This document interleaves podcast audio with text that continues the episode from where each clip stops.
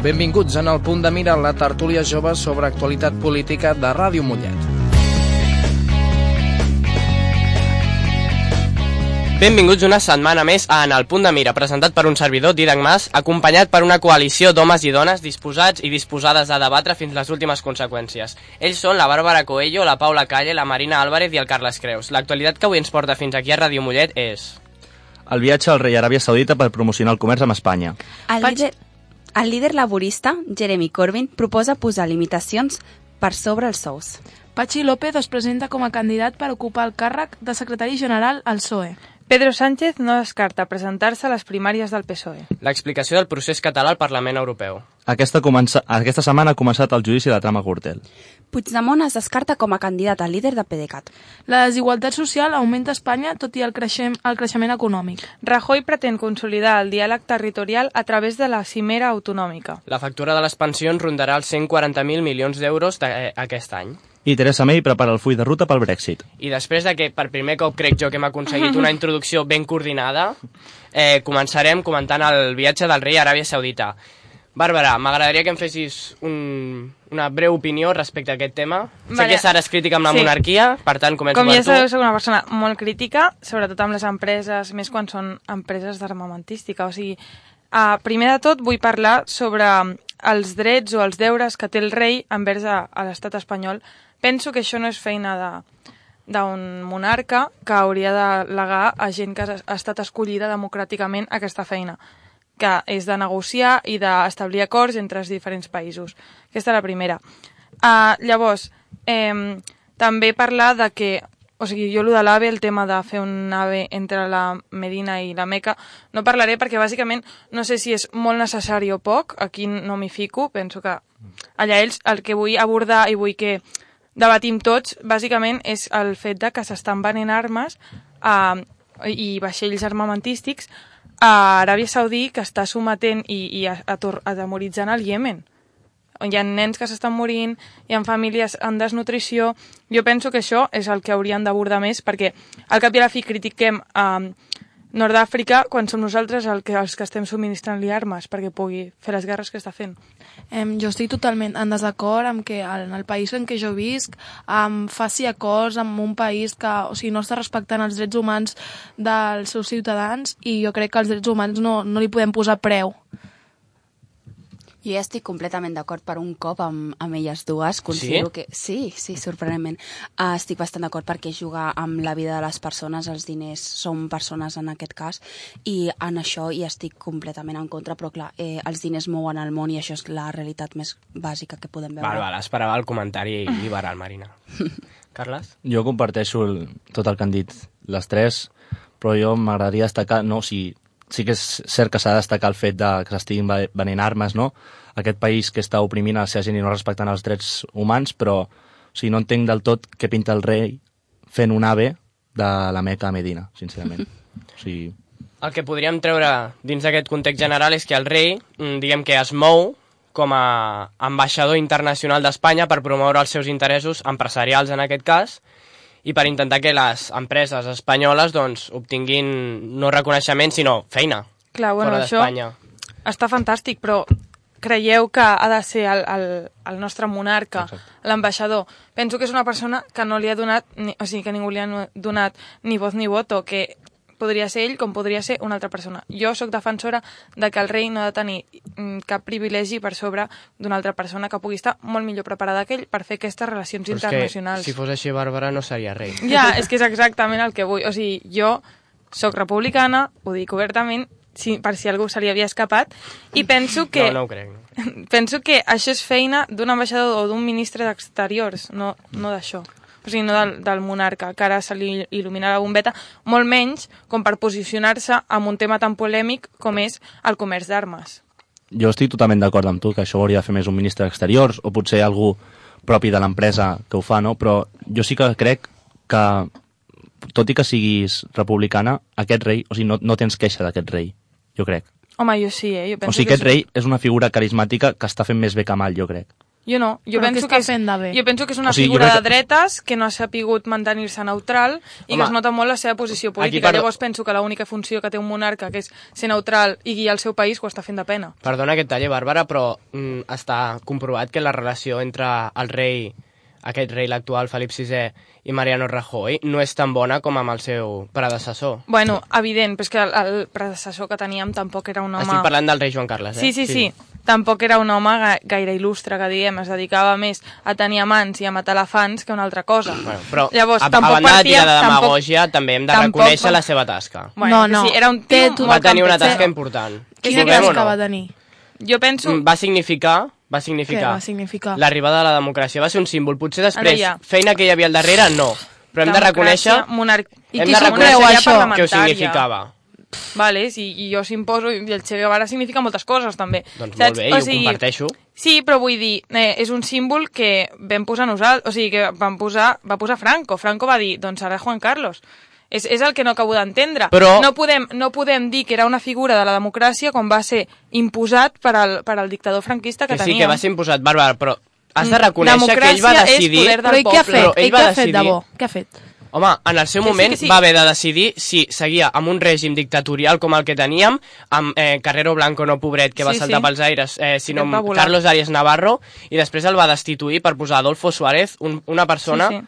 Que va portar la democràcia, això tampoc em dieu que no. No, no, no, això sí, o sigui, evident, però jo penso que uh, les monarquies són coses del passat, que ara... Que estic d'acord, i ara, Ara mateix no ho veig completament innecessari, però en aquell moment... en- Totalment. En, aquell Llavors- moment sí o no? A mi, sincerament, em queia millor el, el d'abans, amb els seus fallos, amb els seus, amb els seus elefants i les seves coses, però almenys era un tio més humil, que aquest Campechano. era més campechano, a mi m'agradava més, tot i que no, no m'agraden cap dels dos, però aquest el trobo que cada vegada més se li nota el plomero. El que sí que és cert és que, que aquest rei és molt més carismàtic que l'altre. No entenc per què, però ho és. A mi no doncs m'agrada els, tant. els seus discursos han, han anat en davallada. És el primer Sí. que va generar certa expectació, perquè clar, és el primer i a veure com ho farà. Mm, Cada cop s'han anat veient és que menys. mentre, mentre el, uh, el rei Juan Carlos feia els discursos en un, al costat d'una finestra, ell ho feia al mig del passadís perquè es veiés el, el, castill, el castillazo que tenia. O sigui, La zarzuela. això, bueno, ja m'entens. Són coses de dir, fins a quin punt hem de fer ostentació dels diners que ja se sap que té el rei.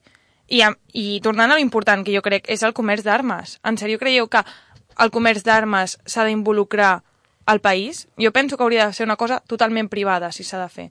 Penso que no s'ha de lucrar el país amb la mort d'altres països i la guerra d'altres països, perquè llavors ens queixem i enviem a UNICEF i diem oh, és que els de Nord d'Àfrica no veus, no sé què, i ningú vol viatjar allà, però som nosaltres el que estem subministrant armes des d'un punt de vista públic, o sigui, ho està fent l'Estat, i estan anant al rei a Però és- demanar però és aquests, que aquests aquesta, negocis. aquesta és la paradoxa del món occidental. Que sí, que sí, Que anem o sigui, a Àfrica totalment. per retirar les armes que nosaltres mateixos que venem. nosaltres venem. Jo penso que hi ha d'haver una conscienciació i que si s'han de vendre armes, que jo penso que no s'han de vendre, que es faci des d'un àmbit privat, que no que sigui el rei d'Espanya el que vagi a representar a la venda d'armes en un altre país. Evidentment, però igualment, si ho fan institucions privades, són institucions privades de països, la, la taca és igual, o sigui, l'error, el que es fa és igual, Totalment. és vendre armes. Arribem al mateix punt. Evidentment, això taca el país, però és que és una cosa que... Sé que és, la meva visió és molt realista, és molt mm, fatal, però és la realitat, és el que tenim. Els Llavors diners serà són els, pessimista, no, Marina? els, Exacte. I realista. Potser és que la, real és, o sigui, la realitat és pessimista. Bueno, Els diners-. Els, Sí. els diners actualment mouen el món i això no ho pot negar ningú. I això és una gran prova. Jo crec que, o sigui, um, val, um, sí, l'atac és la mateixa, però qui ho està fent? El rei d'un país que és una democràcia, teòricament. De la Unió Europea. Um, no sé on estem anant, sincerament, eh? Jo penso que hem de ser molt més responsables. És diferent fer-ho des d'un àmbit privat des de fer-ho des d'un àmbit, àmbit estatal. Eh, Penso que és veritat que actualment els diners mouen al món, això no vol dir que ens hàgim de resignar això, ja t'ho dic, Home, clar. però el que no pot ser és que un país representi la venda d'armes, que vol dir que representi la lacra i la mort de moltíssima gent. Penso que si s'han de vendre armes, que evidentment no ho pararem ni tu ni jo, el que no s'ha de permetre és que qui vengui armes sigui l'estat espanyol, que ho vengui l'empresa tal. Això perfecte, però, Però que no sigui l'estat aquesta empresa tal probablement sigui la subministradora del Ministeri de Defensa. Sí, però no, és, però no és el mateix que el teu rei del teu país demòcrata agafi i vagi. Que sí que em Saps? sembla... Però- és que no és el mateix. Però també, Paula, fixem-nos en que estem en un país on estan prohibides mateixa, les sí. armes i tenim empreses d'armament. Sí, és que això no ho entenc jo encara. Val, Hem de ser una però- mica més... O sigui, taca és la mateixa, però no de la mateixa perspectiva. No està clar. Vale. És a dir, No, jo penso que hem de ser molt, molt una cosa és una coherents. empresa espanyola i una altra l'estat espanyol. I amb això m'agradaria ja passar al proper tema, que és eh, el que hem comentat a la introducció, la presentació de Pachi López, la postulació de Pachi López eh, per, per ocupar el càrrec de secretari general al Partit Socialista. És una cosa que es veia venir des de feia temps. Molts deien que era l'enforcer de Pedro Sánchez i d'altres diuen que és un candidat de consens entre els propers a Pedro Sánchez i els propers a Susana Díaz.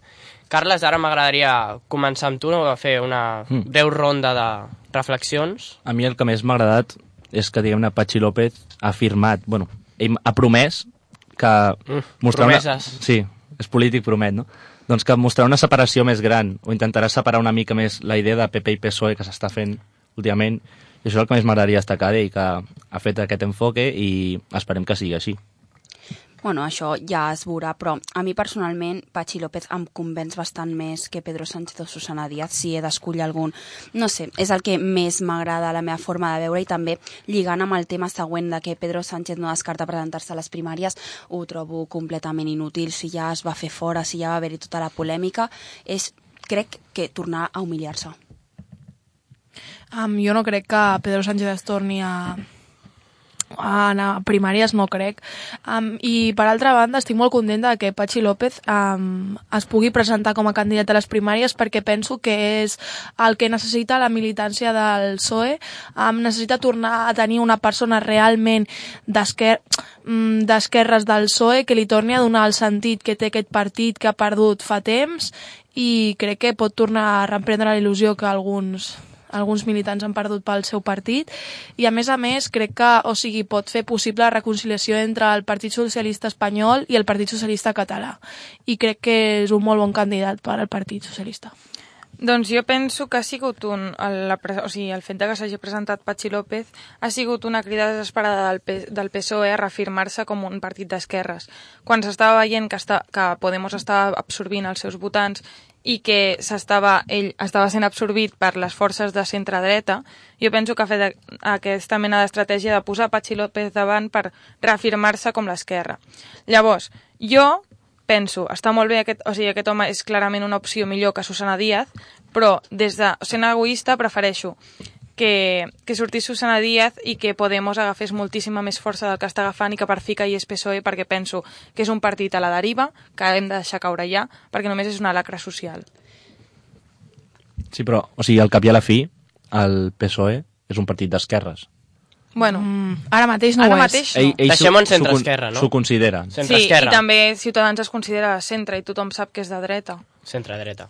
Però llavors ja, ja està bé que, que es presenti un candidat no? que sigui més tirant a Sí, l'esquerra. sí, o sigui, dic, des del punt de vista del PSOE és una estratègia molt més intel·ligent, però jo penso que en el fons PSOE és massa neutral com per considerar-se una esquerra de veritat i penso que l'única oposició clara que té el PP és Podemos Que no, actualment. no crec que sigui neutral, sinó que s'ha vist involucrat en interessos per obtenir més vots, llavors s'ha vist mullat més tirant-se cap al centre. No, cap al centre, que és un vots, gran error no. del Partido Social Obrero. O sigui, és que hem de... Obrero. Socialista. Socialista obrero. Però obrero, enfatitzar, saps? I penso que cada vegada l'obrerisme i el proletariat estan més difusos en aquest Però, partit. pa, eh, Bàrbara, no ens quedem amb les sigles perquè després ens posem a mirar Partit Popular i és un partit que Sí, està sí, sí. tatxant a populista de Podemos. Per tant, això de les sigles no, i però dels noms dir, jo crec però que ja dir, penso que, cosa del passat. Penso que cada vegada són més de centre, més empresaris i menys obre, obrers i proletariat, que és en el seu inici era així, per molt que no ens vulguem fixar en les sigles, era un inici de, de la gent proletària i cada vegada s'està centralitzant més i jo penso que s'ha de deixar caure això.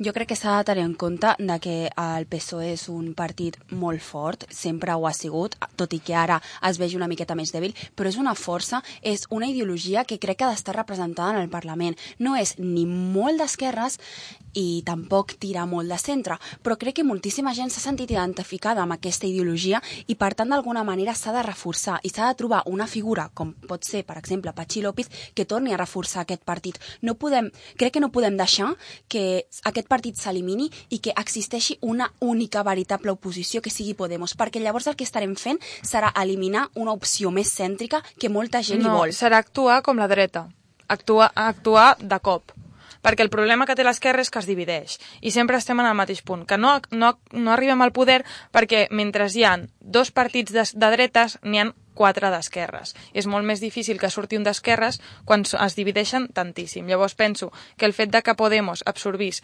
gran part dels del PSOE seria l'única manera de que Espanya per fi pogués tenir un govern d'esquerres. I ara, un moment, Paula, perdona que talli abans que comencis, però mm, vull recordar aquells que estan dient que Pachi López és un candidat per reformar el Partit Socialista a l'esquerra. Recordem que ell va ser eh, L'Endacari. l'Endacari. gràcies al Partit Popular. Ja, ja, bueno, però evidentment el discurs que ha fet és uh, anem a reforçar l'esquerra, anem a unir-nos com a que partit vols socialista... Que, què vols que et digui? Bueno, però vull dir... Pactarem amb el PP, farem el que ens dir, doni la Laura, gana. Laura és molt diferent de lo que, està, de lo que estava dient Susana Laura, Díaz. que, que místic tot, no, Bàrbara? Sí, però vull dir, Laura de Patxi López és una aura més d'esquerres que no pas Susana Díaz, que ja s'ha vist molt involucrada amb el PP actualment. Ja se li ha vist molt les, les interaccions actualment i se relaciona amb, amb una posició més centralista.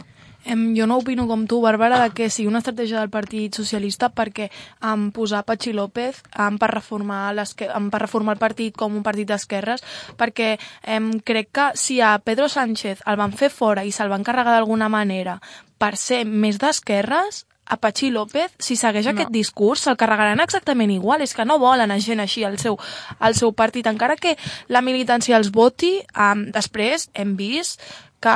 Mm, o sigui, després se'ls carreguen si són més d'esquerres, perquè no els interessa. Jo penso que el problema que va tenir Pedro Sánchez no és que fos més, més d'esquerres o menys, sinó que no es va deixar moldejar per al, per al partit. Han, han optat Per per, per això- Patxi López, que és una persona que pot aparentar ser més d'esquerres o menys, però que al cap i a la fi dirà que sí a les coses que es proposin des del partit. El problema de, Pe de Pedro Sánchez és que es va, es va, va alçar el cap envers del pati, el partit i va ser afusellat. Per per això tots.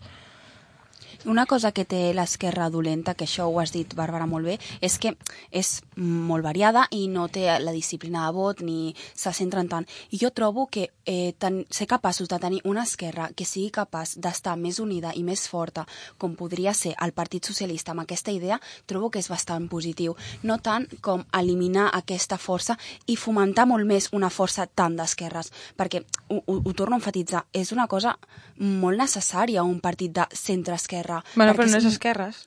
no és És esquerres, centre-esquerres. és centre-esquerres. Pro... Jo entenc que hi hagi por cap a l'esquerra, que és el que s'està reflectint aquí. Por a l'esquerra, por a que hi hagi una esquerra de veritat.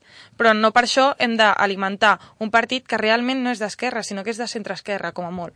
Bueno, pues centre-esquerra. Llavors, ha d'assumir les conseqüències d'haver-se tornat tan ambigu, que és perdre moltíssims votants. Però- que espero que és el que passi, jo no ho sé, però espero que perdi Home. moltíssims votants perquè s'està tornant cada vegada més ambigu. Però abans d'eliminar aquest partit, no, com és la hipotet l'hipotètic que estàs posant, aquest partit ha d'intentar fer alguna cosa des de dins. Sí, sí, sí. I O és sigui, el jo que penso, està fent ara mateix. jo penso que és l'acció lògica que està fent, però jo espero que no tingui resultat. Que sé que no, eh? sé que seguirà sent una força, però penso que és un partit que cada vegada té menys sentit en aquest país. Però jo penso que des de dins del partit el que volen és que surti Susana Díaz. No volen a Pachi López. Sí, segurament. volen a Susana Díaz. Jo ho veig així, totalment.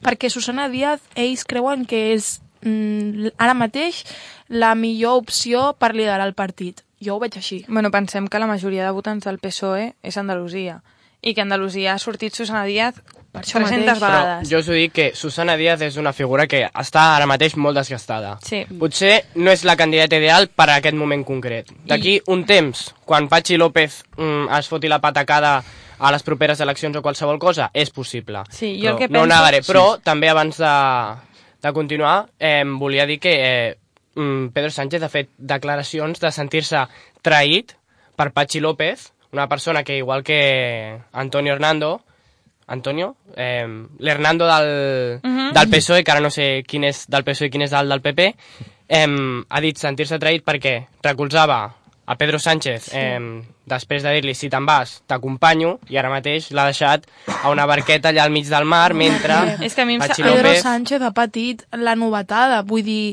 um, ell es pensava que arribar a ser um, el líder del Partit Socialista um, podria decidir ell o el seu equip, i no és així des del partit, se li ha, o sigui, des del partit se li donen unes direccions i si no les segueixes se't fan fora, i prou, i ell mm, no ho veia així, ell es creia que podria fer-ho a la seva manera i no és així. Antonio Hernando, disculpeu que, que ho dit.